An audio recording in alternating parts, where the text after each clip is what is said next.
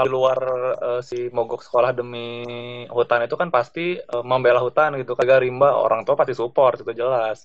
Tapi ketika muncullah tagline mogok sekolah kan pasti kaget orang tua juga kan. Saya aja kalau jadi orang tua pasti kaget. Dalam arti kata ya udah yuk kita ulik-ulik lagi apa yang sudah pernah diajarkan oleh leluhur kita. Yaitu ya bagaimana sebenarnya manusia dan alam adalah satu kesatuan gitu loh saya adalah hmm. alam semesta ini, alam semesta ini adalah saya kayak gitu. Dari situ akan muncul misalkan aksi-aksi atau misalkan tindakan apa yang akan saya lakukan untuk menjaga keharmonisan hubungan antara manusia dengan alam. Semuanya juga termasuk generasinya Salsa berhak menikmati rimbunnya hutan, bahwa di hutan tuh sebenarnya kehidupan segala sesuatunya dimulai kan sebelum adanya kota-kota, dibangunnya megapolitan dan lain-lain. What's up in Extra Podcast today?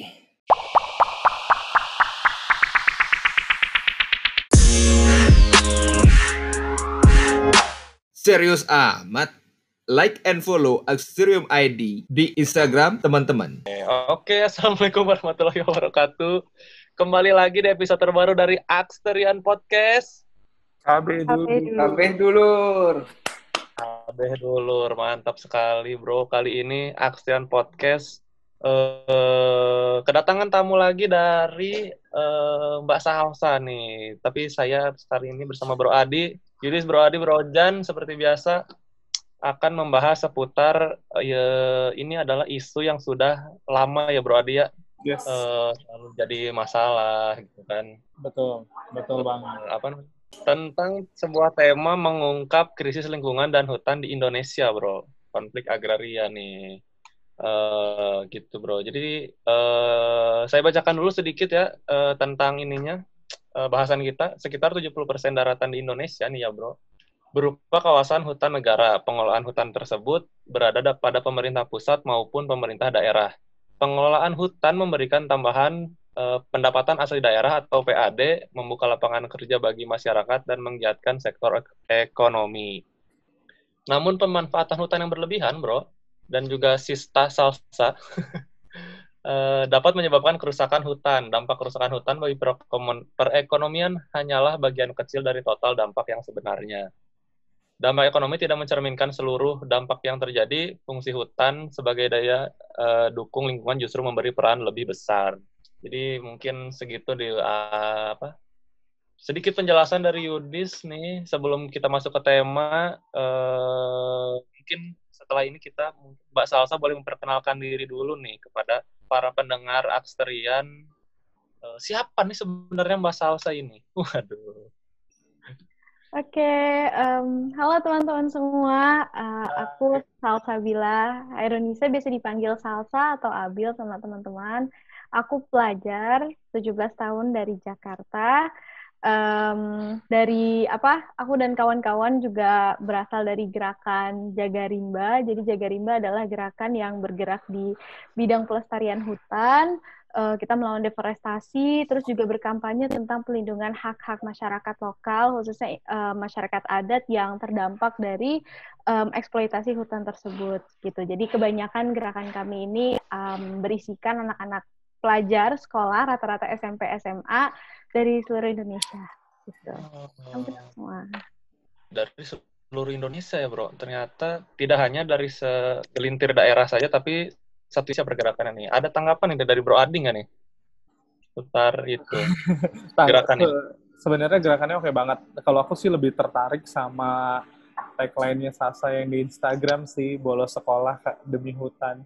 Itu hmm kayak this what's epic sih. Itu kayak orang seusia salsa jarang yang berpikir tentang itu gitu loh. Tapi salsa pikirin itu. Kenapa Yo, sih salsa kalau boleh tahu seperti apa apa yang memotivasi salsa untuk bergerak di bidang rimba ya, lingkungan hidup seperti itu? Um, sebenarnya uh, ketika bicara tentang pelestarian lingkungan hidup sebenarnya ini juga hal yang baru buat aku um, walaupun sebenarnya dari kecil uh, kegiatan juga sudah banyak bersinggungan langsung dengan alam karena kampung halaman um, dikelilingi oleh gunung-gunung juga. Jadi kegiatan daki gunung masuk ke hutan itu udah sering lah dilakukan sejak kecil. tetapi kesadaran akan misalkan kayak lingkungan hidup dengan kayak alam khususnya hutan itu sebenarnya baru ketika uh, menginjak uh, bangku SMP ketika duduk di bangku SMP itu baru ada suatu kesadaran itu karena uh, kebetulan ini terjadi di kampung halaman saya langsung bagaimana salah satu hutan di sana yang merupakan kawasan konservasi itu di diintervensi dan dieksploitasi oleh kegiatan wisata masif dan juga um, industri geotermal. Jadi ada sentimen sedikit karena ini um, apa terjadi di kampung halaman saya di Jawa Barat gitu. Dari situ um, Oh, di Jawa Barat. Ya. tahu lokasinya ini berkaitan dengan geotermal di Jawa Barat. Iya banyak sebenarnya. ya dari situ baru uh, tapi waktu itu sebatas uh, masih memperkenalkan ke teman-teman di kelas sih. Jadi membuka ruang-ruang diskusi di kelas. Karena kan kita tahu bahwa di pendidikan di Indonesia khususnya di sekolah-sekolah negeri ya saya nggak tahu bagaimana di sekolah swasta karena um, belum apa belum pernah karena um, tapi kalau untuk di sekolah negeri sendiri ketika kita berbicara tentang permasalahan lingkungan lalu permasalahan-permasalahan yang menyangkut kebijakan-kebijakan itu selalu dianggap terlalu politis gitu. Jadi kayak nggak nggak layak dibincangkan di kelas gitu. Nah, um, karena tapi aku merasa bahwa apa yang politis dari berbicara tentang kerusakan lingkungan yang nantinya akan berdampak sama diri kita di masa akan datang gitu. Jadi dari situ mulainya waktu itu belum ada jaga rimba, jadi dimulai dengan misalkan membuka ruang-ruang diskusi di kelas. Jadi misalkan ketika pelajaran um, bahasa Indonesia gitu, kita disuruh membuat pidato Nah, uh, aku bersama teman-teman kita misalkan membuat pidato yang berkaitan dengan lingkungan. Jadi nanti ada ruang diskusi dan lain sebagainya. Nah, itu waktu itu awal mulanya seperti itu. Lalu ketika di SMA bertemu juga dengan kawan kawan-kawan yang akhirnya punya concern yang sama juga dan mereka juga uh, apa namanya mempunyai keresahan yang sama juga dengan aku tentang apa kayak bagaimana oh kita kok uh, dibatasi ya kita nggak nggak pernah dijelaskan tentang apa oh hutan di Kalimantan ditebang ya atau bahkan hutan di Pulau Jawa sendiri juga sudah mau habis gitu. Kita nggak pernah tahu tentang itu karena sekalipun ada mata pelajaran IPA di sekolah kita tidak pernah diajarkan tentang hal itu gitu. Nah Jadi dari situ justru yang kaman-kaman aja ya salah Iya, iya.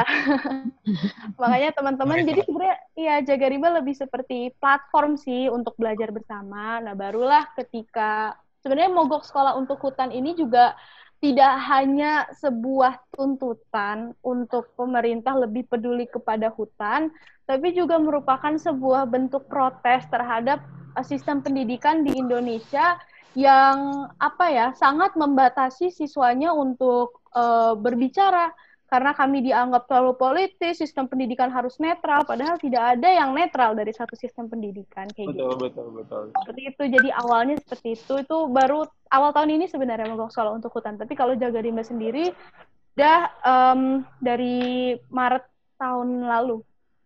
Berarti 2019 kurang lebih udah mulai ya? Iya, udah mulai waktu itu resminya oh. gitu. Membernya udah berapa sih? Maksudnya kayak teman-temannya Salsa yang total totally peduli dengan kayak punya visi dan misi yang sama. Kayak salah satu berapa orang? Berapa hmm. banyak maaf. Kalau kalau karena kami gerakan kan jadi kayak siapa pun yang sebenarnya sevisi semisi dan kami kan juga termasuk bagian dari jaga rimba. Tapi untuk uh, yang sering apa yang sering ikut meeting dan segala macam terus ada kami juga ada semacam grup WhatsApp. Sekarang di situ udah ada kayak 60-an orang wow. dan rata-rata pelajar SMP, SMA, sama ada yang kuliah lah sedikit-sedikit, terus ada juga kawan-kawan yang udah kerja, tapi kami kan di sana juga sharing-sharing info, jadi mungkin mau lihat-lihat berita dan lain sebagainya kayak gitu. Oke oke oke oke. Dan Yudi lagi Instagram juga dari Jaga nih follow udah tiga ribu bro, tiga ribu delapan ratus. Mantap. Nah, berarti ini uh, pergerakannya sudah cukup uh, dikenal orang lah ya dari Jaga Rimba ini uh, sudah mulai mungkin ini bis ke depannya bisa lebih besar lagi dan mungkin pemerintah bisa melihat ya bro dari Jaga Rimba ini. Benar benar. Yo. Pastinya karena uh, semuanya juga termasuk generasinya Salsa berhak uh, menikmati rimbunnya hutan bahwa di hutan tuh sebenarnya kehidupan segala sesuatunya dimulai kan sebelum adanya kota-kota dibangunnya megapolitan dan lain-lain seperti itu. sebenarnya kami juga itu Mas pernah audiensi juga sama Pak Wamen LHK waktu itu. Oh, oke okay, oke. Okay, okay. Karena mungkin karena kami kan mogok sekolah untuk hutan itu kan kayak nggak enak dilihat sama orang gitu kalau kata satpam di kementerian katanya nggak enak sama oh. orang nggak ya udah ketemu aja bikin audiensi gitu kan. Oh akhirnya ternyata surat permohonan kami diterima akhirnya ketemulah waktu itu kawan-kawan dengan Pak Wamen, Dirjen Konservasi sama bagian humasnya satu orang. Oh. Um, kami sempat um, menjabarkan sih mengapa kami mogok sekolah, tuntutan kami apa saja, menyarankan misalkan perubahan apa, kebijakan apa, saran apa, tapi uh, ya begitu responnya seperti um, kalau kata teman-teman ya datang ke sana cuma dapat pujian kayak oh inspiratif banget ya dan lain sebagainya walaupun sebenarnya itu bukan yang ingin yang ingin kami dengar gitu loh. Tujuannya bukan itu sebenarnya. jadi nggak dapat apa-apa sebenarnya kemarin. Bro, ya, bro. kayak gitu. Tapi uh, menurut uh, Mbak Salsa nih fungsi dan peran hutan itu menurut Mbak Salsa gimana nih? Sampai apa namanya rela kan? Sampai rela mogok demi hutan tidak sekolah demi hutan. Yang Mbak Salsa apa? Mengorbankan dalam ini gitu. kenapa gitu. saya harus sampai gini? Yoi. Fungsi um, dan perannya ya fungsi peran hutan sebenarnya kalau mau lihat yang detail terus habis itu um, spesifik gitu kan bisa langsung Google karena banyak research. Cuma aku bisa menjabarkan bahwa secara simpel fungsi dan peran hutan ya dia menyerap misalkan gas-gas rumah kaca yang ada di atmosfer khususnya karbon dioksida gitu kan. Dan kita semua tahu bahwa kita sekarang itu sudah mengalami krisis iklim karena misalkan sekarang musim hujan tuh telat gitu loh datangnya. Terus yang seharusnya musim hujan masih panas gitu. Itu kan sesuatu yang nantinya walaupun kita di kota kita menganggap hal tersebut kecil tapi untuk para petani yang uh, menjaga kesediaan pangan itu sangat berdampak. Yang nantinya akan berdampak juga ke kita yang ada di kota kayak gitu. Benar. Terus um, dia juga menghasilkan oksigen walaupun nggak necessarily semua oksigen dihasilkan di sini karena kan banyak juga ya tidak hanya dari hutan ada dari uh, apa tanaman-tanaman yang di laut juga dia menghasilkan oksigen. Tapi hutan juga mereka berperan penting kan istilahnya kalau kata orang sebagai paru-paru dunia gitu ya kan. Tapi mungkin um, selain daripada itu yang benar-benar sudah kita rasakan dampaknya adalah bagaimana banjir yang terjadi di awal tahun ini tahun ini awal tahun ini Jakarta mengalami banjir besar-besaran kan. Parah, Bro. Iya, kita itu selalu cuma tahu bahwa oh iya hutan itu penting untuk uh, menjadi daerah resapan air gitu. Tapi kemarin di awal bulan Januari kita benar-benar bisa melihat langsung dampaknya apa yang terjadi ketika hutan itu misalkan sudah habis. Kan aku nggak tahu sih apakah ini banyak diketahui orang, tapi um, kawasan hutan di Taman Nasional Gunung Halimun Salak yang salah satunya menjadi faktor kontributor banjir besar kemarin itu sudah ada apa namanya dieksploitasi masif untuk tambang emas gitu. Tapi memang tidak pernah dibicarakan oleh media-media besar kayak langsung surut gitu. Tapi ya itu salah satunya bukti bukti empiris yang bisa kita lihat ketika hutan itu habis gitu. Makanya kenapa rela mogok sekolah untuk hutan? Karena di awal tahun kemarin, ketika banjir, jalanan itu tertutup semua. Kami tidak bisa pergi ke sekolah. Banyak dari kami tidak bisa pergi ke sekolah. Banyak orang yang tidak bisa pergi benar. ke kantor. Jadi, jadi maksudnya adalah ketika misalkan hutan tidak sebenarnya tidak hanya hutan ya, tapi sel alam ya, alam seluruh alam gitu. Tapi karena Indonesia mempunyai luasan hutan yang sangat besar gitu, maka ketika hutan tersebut hilang, ya masa depan kita juga tidak akan ada lagi gitu. Kita masa depan kita juga akan hilang seperti itu. Setuju, setuju. Mau ya mau mau ngapain lagi? Mau misalkan aku lulus sekolah, lulus sekolah gitu kan, apa yang akan menunggu di masa depan nanti ketika misalkan kita bernafas saja susah, kita mau pergi ke mana-mana saja tidak bisa kayak gitu. Benar. Iya. Bahkan sampai kalau boleh kasih info sedikit, Salsa dan teman-teman semua, Uh, saya pernah ke satu museum yang ada di negara tetangga, nggak jauh dari Indonesia di Singapura ya. Bahkan hmm. diprediksi ya sampai dengan 2024 nanti generasi-generasi yang baru lahir nih di tahun-tahun sekarang itu akan menikmati pohon itu hanya menda hanya dalam video aja.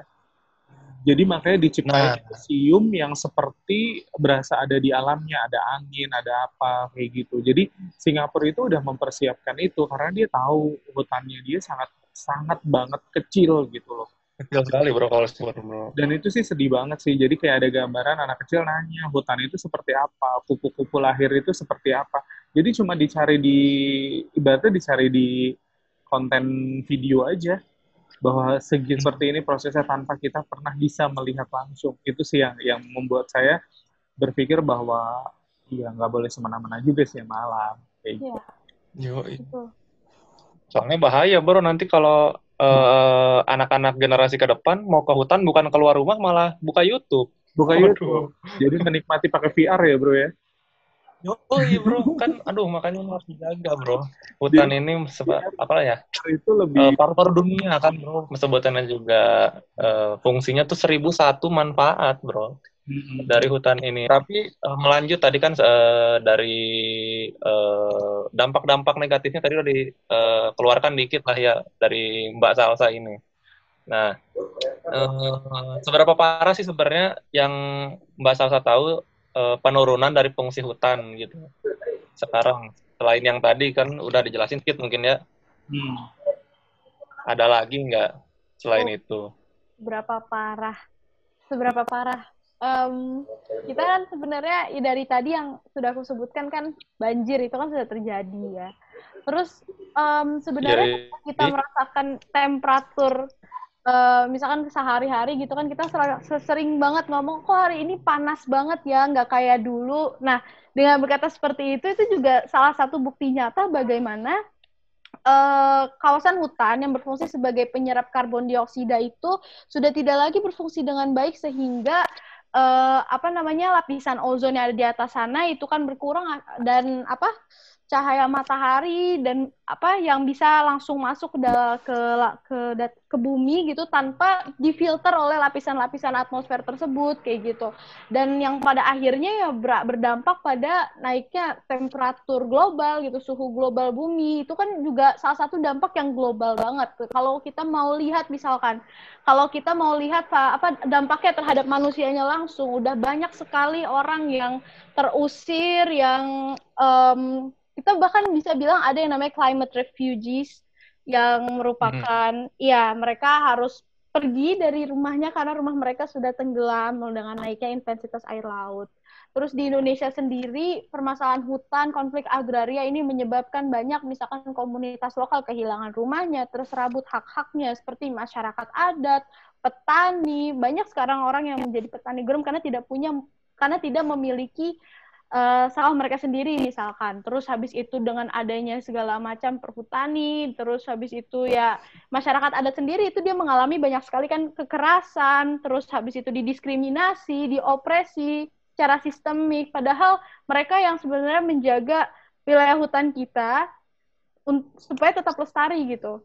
Itu um, permasalahan hutan sih nggak um, hanya lingkungan menurutku karena dia juga berdampak dengan hak asasi uh, tiap individu atau komunitas gitu. Kita bisa melihat bagaimana di Kalimantan lubang tambang hutan yang dulunya asri berubah jadi tambang terus ditinggal jadi lubang tambang, anak-anak kecil berenang meninggal. Udah ada puluhan anak yang meninggal terus habis itu nyawa mereka seakan gak berarti, gak ada nggak seakan gak berharga karena di tanah kita itu nyawa itu harganya lebih murah daripada tambang daripada kelapa sawit kayak gitu. Itu sebenarnya dampak-dampaknya kalau mau di kalau dijabarkan satu persatu nggak akan selesai nanti. Iya, masa keren keren banget statementnya. Jujur aku sampai merinding. Kelihatan nggak merinding ya? Sampai maksudnya kayak oh, merinding juga. Bener apa yang apa yang kamu ungkapin tuh kayak maksudnya bener banget gitu kayak ya udah lu mati ya udah selesai gitu. Sementara kayak ya bingung juga sih kayak tujuan negara ini didirikan jadi gimana gitu baliknya. Ya. Gitu dan dan sekarang gini uh, aku sharing sedikit ya pengalaman aku pergi ke sebuah pulau yang notabene jaraknya cuma 30 menit dari Jakarta. Uh, itu pada di hari kerja uh, melihat Jakarta dari pulau itu tuh menjadi pemandangan yang langka. Padahal jaraknya cuma 30 menit. Uh, which is kayak nggak nyampe 30 kilo kayaknya. Itu kita cuma mau ngelihat kota Jakarta aja dari sisi pulau itu nggak kelihatan. Hmm. Tapi akan kelihatan pada saat pagi hari dan itu juga, juga cuma mulai dari jam 4 pagi, jam 6, jam 6 pagi itu udah nggak kelihatan lagi Jakartanya. Segitu iya. parahnya. Ya, polusi udaranya. Jadi juga ada pengalaman bro kayak gitu kemarin bro. Kan biasanya udah, jadi sudah sering juga lah ke Jakarta ya, bolak balik gitu, uh, nginep di hotel di lantai. Apa? Nggak pernah hangout bareng ya kalau ke Jakarta? Pasti dulu-dulu kan belum masuk Akster. Oke. Okay. Terus kemarin pas uh, lockdown tuh, pas ad, uh, ada kesempatan dibuka kan Yudis uh, ada ke, apa ada keperluan ke Jakarta tuh. Itu kerasa banget bro bedanya bro dari uh, penglihatan gitu kan. Anjir, tumben banget Jakarta awannya kelihatan gitu. Langitnya biru tuh kelihatan. Baru kemarin bro Yudis ngerasain bro. itu sih wah makanya ini kacau bener bro. Dampak-dampak kayak gitu tuh uh, mungkin banyak sudah terjadi sekarang di nggak hanya di Jakarta ya bro mungkin ya. Bandung mungkin juga ada Jogja mungkin. Makanya uh, kita sebagai generasi-generasi yang akan mewarisi sesuatu ke bawah nih ke generasi selanjutnya harus bisa menjaganya, bro. Iya. Yeah. Ikutan lah kita. Gerakan jaga rimba ini. Oke, okay. Sasa aku mau next question ke kamu nih. Yang kamu tahu peran dari pemerintah kita untuk melindungi hutan kita itu seperti apa sih? Dan buktinya itu konkret atau hanya sekadar wacana yang kamu tahu? Hmm. Menarik, menarik, menarik pemerintah sebenarnya memainkan peran yang sangat penting ya dalam pengelolaan hutan. Tadi kan seperti yang di awal disebutkan, bahwa 70% kawasan hutan ini kan kawasan hutan negara. Yang sebenarnya kawasan hutan negara itu ditetapkannya atas dasar apa? Oke, katanya atas dasar undang-undang kehutanan gitu. Tapi kan kita nggak pernah tahu gitu. Petanya juga nggak pernah di, diperlihatkan ke publik hutan negara yang mana aja. Terus habis itu uh, penetapannya juga tidak kita nggak tahu. Misalkan belum belum tentu kan mereka melibatkan langsung masyarakat yang sudah ada di sana gitu. Nah jadi uh, maksudku adalah pemerintah karena dengan apa namanya dengan data tadi bahwa 70% kawasan hutan di Indonesia adalah kawasan hutan negara, maka pemerintah beserta aparatur mereka punya apa namanya peran yang sangat penting melalui kebijakan-kebijakannya ya dalam bidang manajemen hutan, dalam bidang pengelolaan hutan gitu. Tapi kan sayangnya uh, dengan birokrasi di Indonesia yang sangat panjang ini itu kan dijadikan celah um, apa ya untuk istilahnya mengeksploitasi misalkan kekayaan alam yang ada di di dalam hutan tidak bu, tidak untuk kepentingan rakyat tetapi untuk kepentingan segelintir pihak saja. Kenapa kenapa saya berani bilang begitu? Karena um, istilahnya gini, karena masa ya kita ambil contoh kasus yang ada di Kinipan aja, uh, kasus yang sudah sempat di campaign sama kawan-kawan dari 2018-2019. Kalau masyarakat adat Laman Kinipan, mereka sejak turun-temurun sudah tinggal di hutan, ya kan? Sudah tinggal di hutan jauh sebelum Republik Indonesia ini ada gitu. Jika pemerintah memang berpegang misalkan sama konstitusi ya yang katanya uh, kekayaan alam ini dikuasai untuk sepenuh-penuhnya kayak kepen, apa kesejahteraan rakyat gitu. banyak ya. Iya. Tetapi kenapa masyarakat yang tinggal langsung berdekatan dengan hutan, aksesnya kepada misalkan mereka mengakses kekayaan alam yang ada di hutan itu ditutup gitu, dibatasi gitu. Karena misalkan oh kawasan hutan mereka termasuk kawasan hutan produksi yang sudah diberikan konsesinya kepada perusahaan sawit, padahal mereka sudah ada di sana sejak dahulu kala gitu. Dan ini kasus-kasus seperti ini tidak hanya ditemukan di Kinipan, tetapi juga di hutan-hutan lain. Misalkan kalau mau lihat yang lebih parah ada di Akejira, itu masyarakat adatnya tersisa cuma ada delapan karena tambang, nikel, kawasan industri dan lain sebagainya di kawasan hutan.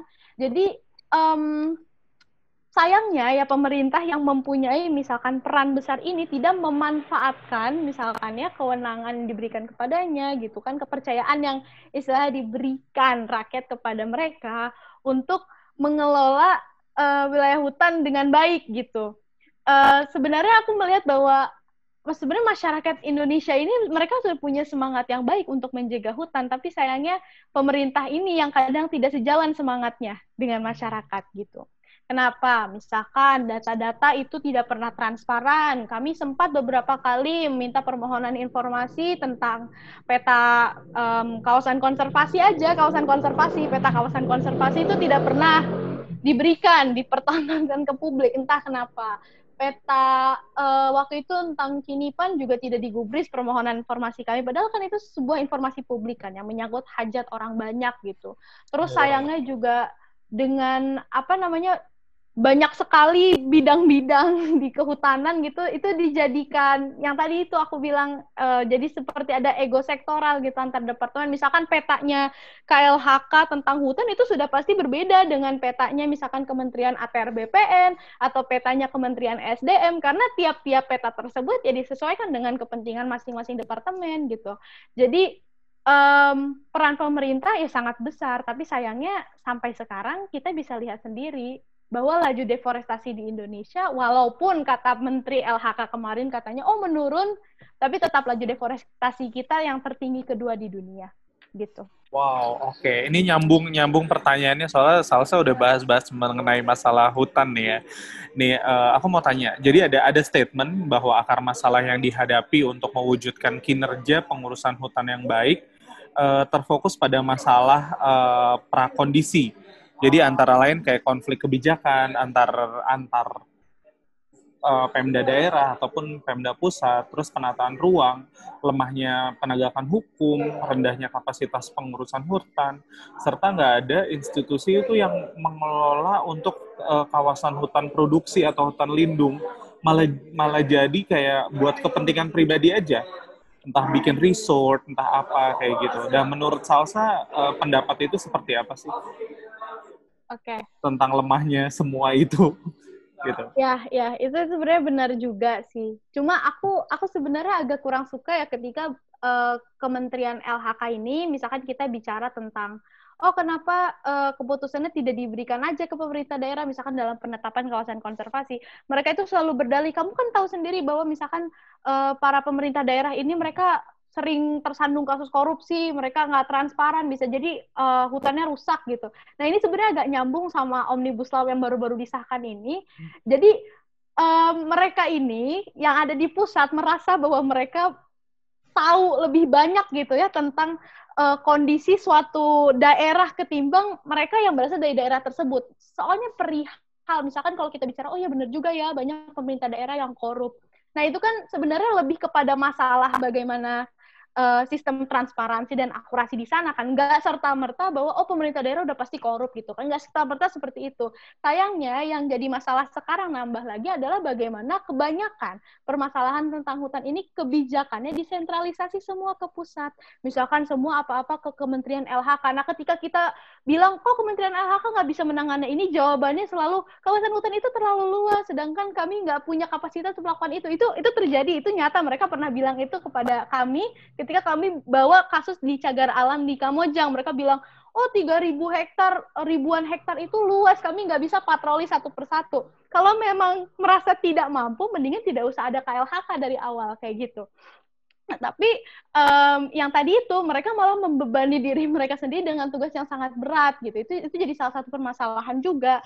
Mereka merasa lebih tahu ketimbang uh, pemerintah yang ada di daerah. Terus tentang masalah tata ruang ini juga semakin diperumit dengan adanya omnibus law. Jadi sekarang semuanya itu kan dijadikan ke pusat semuanya gitu dan ya pasti akan lebihan beban kerjanya gitu itu salah satunya. Terus yang tadi juga um, konflik kebijakan ya kan ego sektoral antar departemen oh. itu itu terjadi udah dari dulu sebenarnya. Apalagi uh, waktu itu logging boom tahun 80-an itu masalah konsesi hutan segala macam itu wah itu menjadi-jadi. Sampai sekarang itu masih terjadi. Ya itu salah satu contoh empirisnya yang tadi uh, sempat aku sebutkan bahwa bagaimana peta kehutanannya ATR BPN, Kementerian LHK, ESDM semuanya berbeda, nggak sinkron. Nah itu sebenarnya nggak harus terjadi, nggak boleh terjadi hal kayak gitu gitu loh. Nah, kenapa kok peta kehutanan malah disesuaikannya sama kepentingan tiap departemen? Masa peta hutan disesuaikan? Oh ini peta hutannya berdasarkan uh, sebaran lokasi tambang gitu kan tidak seharusnya seperti itu. Seharusnya semuanya disinkronisasi menjadi satu. Makanya ini kan yang membuat rumit. Oh kok si departemen ini mengeluarkan izin ke sini? Apakah udah koordinasi dengan ini? Apakah udah koordinasi? Jadi semuanya jadi rumit gitu. Bahkan rakyat sendiri bingung makanya Oke, ketika banyak, oh apakah uh, ketika kami misalkan ya orang-orang kemarin pelajar pada demonstrasi gitu kan, oh emang kalian demonstrasi udah baca omnibus law gitu kan, omnibus law udah baca semuanya. Boro-boro kami yang pelajar bisa baca, teman-teman yang advokat, ahli hukum yang sudah bertahun-tahun ada di bidang hukum lingkungan, mereka sendiri aja kesulitan untuk membacanya karena karena peraturan perundang-undangan ini juga rumit, terus seperti banyak sekali konflik kepentingan yang kayak gitu. Jadi jadi rakyat yang kebingungan gitu, karena ya tadi itu uh, yang tadi uh, kak, kakak bilang itu tentang yang ego sektoral antar departemen itu masih kental sekali di Indonesia ya. Berarti masih sampai sekarang masih terjadi ya? Masih masih terjadi masih apalagi nanti ketika uh, omnibus kan bro. sekarang udah ditanda tangan ya jadi sudah pasti itu akan lebih banyak terjadi di masa mendatang gitu ya iya betul betul betul. Oke nyambung sekali lagi nih dengan kaitannya. Yang Salsa ketahui tentang deforestasi yang direncanakan itu seperti apa sih Salsa? Program tersebut? Saya jadi penasaran gitu.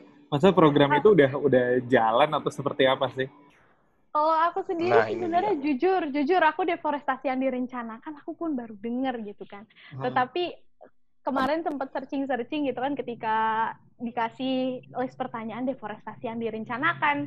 Oh, ternyata ada berapa tuh uh, artikel-artikel dari PPID KLHK juga yang bilang oh deforestasi direncanakan. Ternyata itu uh, konversi, konversi hutan dari HPK ke area penggunaan lain yang di luar hutan misalnya untuk pertanian untuk perkebunan gitu kan. Oh. terus aku jadi mikir bahwa apa iya ada bedanya yang direncanakan dengan yang tidak direncanakan? itu dia, itu dia. maksud aku jadi seperti itu. Jadi kayak sebenarnya hanya hanya mengganti istilah menjadi istilah yeah. yang kita tidak uh, baku kan itu istilah baru ibaratnya kan. Kayak kayak kayak agak lucu sih. Jadi kayak ini mau di prank atau gimana? gitu jadi iya karena bahkan deforestasi yang seharusnya iya kayak misalkan katanya kan direncanakan terus oh berarti istilahnya uh, mendapatkan izin lah mereka udah dapat izin misalkan dari KLHK untuk mengkonversi hutan gitu kan tapi kita kan tahu sendiri bagaimana misalkan perusahaan-perusahaan itu mengurus izinnya kan. Apakah memang iya mereka mengurus izin tuh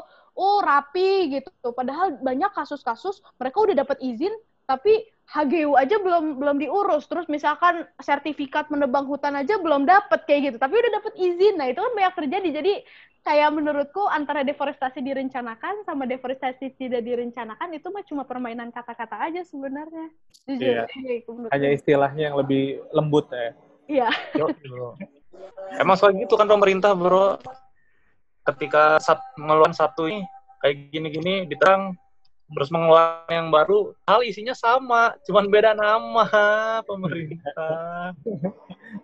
okay. Sering terjadi dan sudah sering terkecoh kita sebagai warganya, bro. Betul, betul, betul.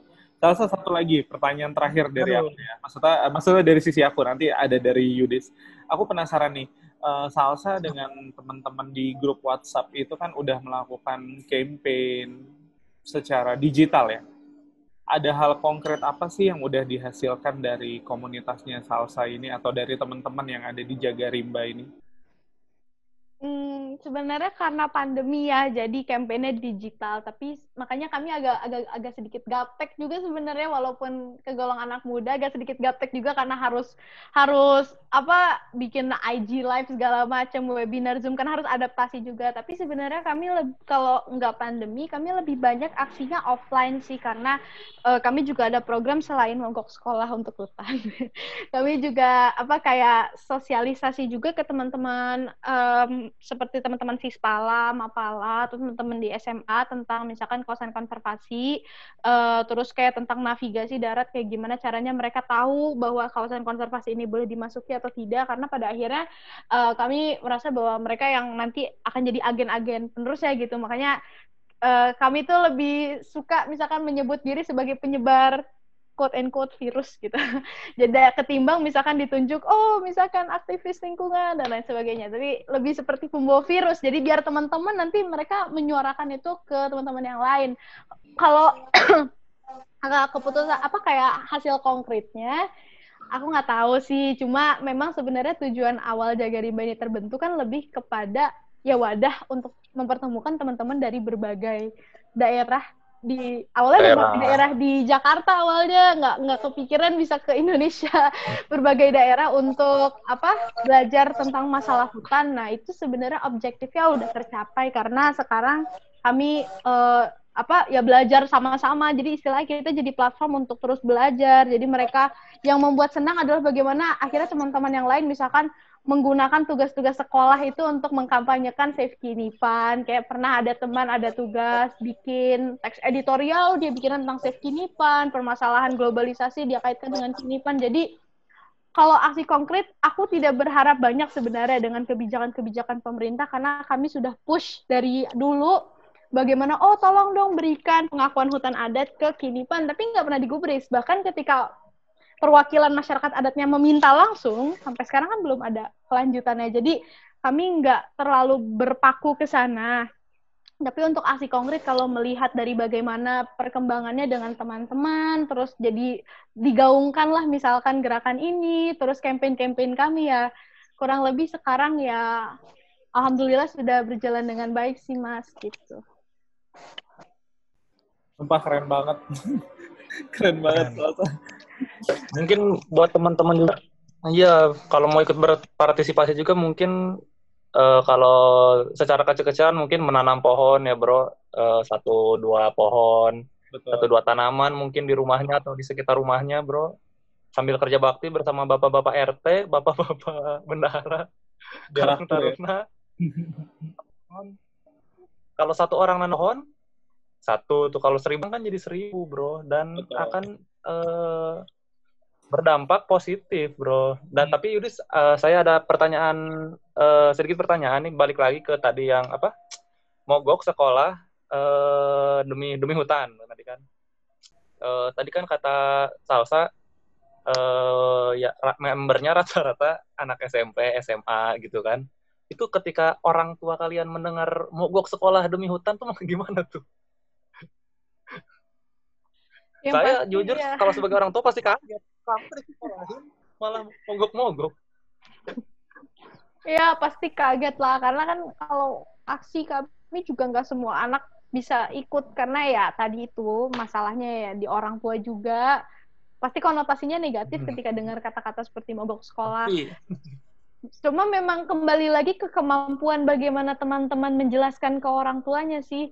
Uh, aku pun nggak bisa memaksakan bahwa oh enggak ini hal yang bagus dan lain sebagainya. Karena kan kita semua berasal dari lingkungan yang berbeda-beda. Jadi ya ada beberapa teman-teman yang bisa menjelaskan dengan baik gitu kan ke orang tuanya enggak mah misalkan mogok skala untuk hutan ini seperti ini kenapa aku kayak ini jadi orang tuanya juga um, apa bisa memberikan kepercayaan gitu bahwa anaknya ini misalkan tahu betul-betul apa yang dia lakukan kayak gitu betapa pentingnya. Jadi memang sebenarnya kalau respon rata-rata negatif bahkan orang tua saya juga begitu awalnya gitu kan pasti gitu.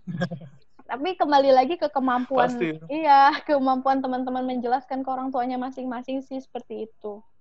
Kayak gitu. Yo karena kan kalau luar uh, si mogok sekolah demi hutan itu kan pasti uh, membela hutan gitu. Kagak rimba orang tua pasti support itu jelas. Tapi ketika muncullah tagline mogok sekolah kan pasti kaget orang tua juga kan. Saya aja kalau jadi orang tua pasti kaget. Kamu saya udah sekolah capek sekolahin kamu capek-capek. Mogok lagi udah tahu aksinya nanti aja. Iya. Uh, aksinya ada aja waktu CFD hari Minggu kan. Orang rame tuh kamu silakan aksi. Atau atau emang udah ada kayak gitu gitu tuh kalau aksi kayak gitu biasanya kami gabung sama ini sih jeda untuk iklim, teman-teman jeda untuk iklim kadang tiap berapa bulan sekali gitu. Terus um, iya baru kayak gitu sih dulu sebelum mogok sekolah. Cuma kayak ya udah aksi itu kan oke okay, raising awareness tapi kayak nggak tahu sih kayak pemerintahnya bagaimana. Jadi pengen bikin mereka nggak nyaman aja sebenarnya dengan mogok sekolah untuk hutan. Jangan asik duduk aja. Uh, uh, ibaratnya mah kalau secara baik-baik nggak diizin uh, ini kita cara brutal lah pokoknya biar didengar gitu. Oh ya, salsa satu lagi. Aku aku penasaran. Maksud tagline-nya, maksud tag masuk. Aku penasaran banget nih kan uh, kita semua tahu Greenpeace adalah organisasi terbesar ya yang berkaitan dengan lingkungan hidup, yeah. dan lain-lain yang notabene hampir mirip sama salsa. Pernah nggak sih collaborate atau berhubungan dengan orang-orang Greenpeace itu salsa? Pernah, sering bahkan. Okay, um, waktu itu sempat um, yang untuk campaign Save Kinipan sih aku sempat um, ikut me, apa waktu itu kan untuk yang kemarin ada penangkapan Pak Effendi Buing itu kan jadi blast campaign-nya jadi terdengar ke mana-mana. Jadi waktu itu temen di Greenpeace ada yang sempat minta bantu uh, tolong buatkan video tentang apa yang menjelaskan tentang konflik hutan di sana. Terus ditaruh di kebetulan teman ditaruh di videonya Greenpeace yang tentang kinipan itu. Terus aku juga sering apa banyak belajar sih dari kawan-kawan di Greenpeace khususnya teman-teman forest campaigner misalkan kebijakan hutan, terus habis itu um, ya segala macamnya belajar dari kawan-kawan di sana masih banyak belajar gitu. Oke oke oke keren keren keren. Oke. Okay. Tapi ini uh, jaga di apa namanya ya dengan komunitas-komunitas yang lain pun uh, ada kerjasama kerjasamanya ya. Iya pasti pasti. Nggak hanya bergerak sendiri. Iya. Karena, karena benar sih. Uh, Iya, iya, iya. Itu tadi pertanyaan tuh dikit tuh, apa? Dari Mas Ojan nih. Salsa, kira-kira cita-cita ke depannya apa sih Salsa? Kalau boleh tahu kan Salsa masih ah. um, cita-cita apa nih Mas? Kayak pekerjaan atau apa ya, gitu? Pastinya cita-cita itu akan berkaitan dengan pekerjaan dan karir kita di masa depan akan berpengaruh terhadap kehidupan kita. Sementara kalau aku lihat di sini kan Salsa yang sedang berproses untuk mencintai lingkungan dan peduli sama lingkungan. Apakah nanti begitu udah bekerja enak terus lupa sama cita-citanya dulu atau gimana? Kalau udah besar aku nggak mau kerja sama orang. um, iya bro. Cuma Ini dia bro. Mau memang harus. Karena memang suka nulis mungkin nggak um, tahu karena kan kita juga nggak tahu nanti di masa depan akan seperti apa jadinya. Tapi untuk sekarang memang lagi suka belajar tentang budaya, terus habis itu ya sering menulis lah, melihat situasi sekitar. Jadi lagi memang suka aja belajar, khususnya antropologi mungkin gitu. Memang masalah kita ini harus ya. dihilangi, bro. Jadi tetap nggak mau jangan jadi seperti ya? saya, bro. Mau, kalau bisa ya, mau kembali. Jangan seperti saya. Iya.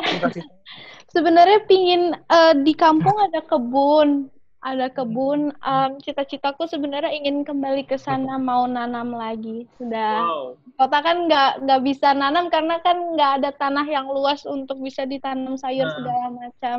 Keren. Tapi sejak pandemi kemarin mulai menanam-nanam sedikit lah di atap rumah dan belajar juga sih bagaimana menanam tanpa menggunakan pupuk kimia dan lain sebagainya.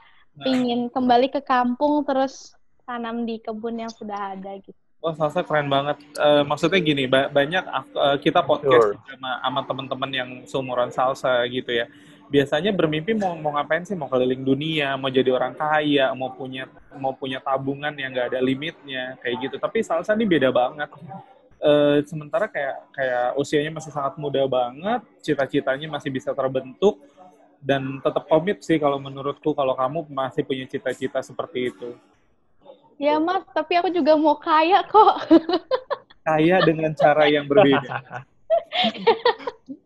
iya definisi Semua orang emang orang beda-beda ya. Betul. Yo, Karena ketika kita punya tab menjadi orang yang kaya raya, ada dua kemungkinan. Kemungkinan kita tetap komit sama uh, cita-citanya kita atau kita melupakan menikmati kekayaan kita. Ada dua pilihannya. Iya. Gitu. Yo. Pokoknya mah harapan harus di uh, inilah dengan hangat kita kerjakan agar tercapai, bro. Jangan sekedar kayak saya gini. nah, tapi uh, salsa nih mungkin uh, ke yang ujung aja ya nih, bro.